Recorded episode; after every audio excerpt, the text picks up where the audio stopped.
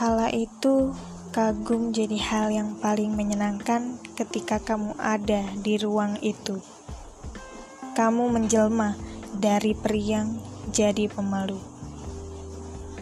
Perjalanan waktu terasa sempit kala itu. Kamu hanya sesekali bicara dengannya karena matamu tak mampu menatap lama. Perbincangan kala itu sebentar namun katamu sukar untuk dilupa.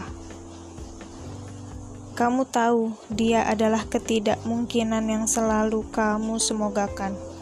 Ya Tuhan, sampai kapan harus terus-menerus memendam perasaan yang memang tak ingin ada? Nyatanya kamu sedia. Sedia untuk berpatah hati setiap hari. Tolong, jangan sakiti dirimu sendiri. Katamu ingin sekali melupa, atau kalau bisa amnesia saja. Sedangkan itu tak pernah terjadi sampai detik ini.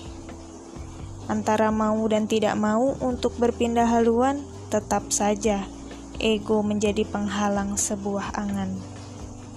Kamu tetap mau dia untuk kamu pandangi dan berpikir dalam imajinasi. Ya, meskipun kamu tahu itu sangat merugi. Lekas sadar kamu kalau mimpi hanya sebatas ilusi.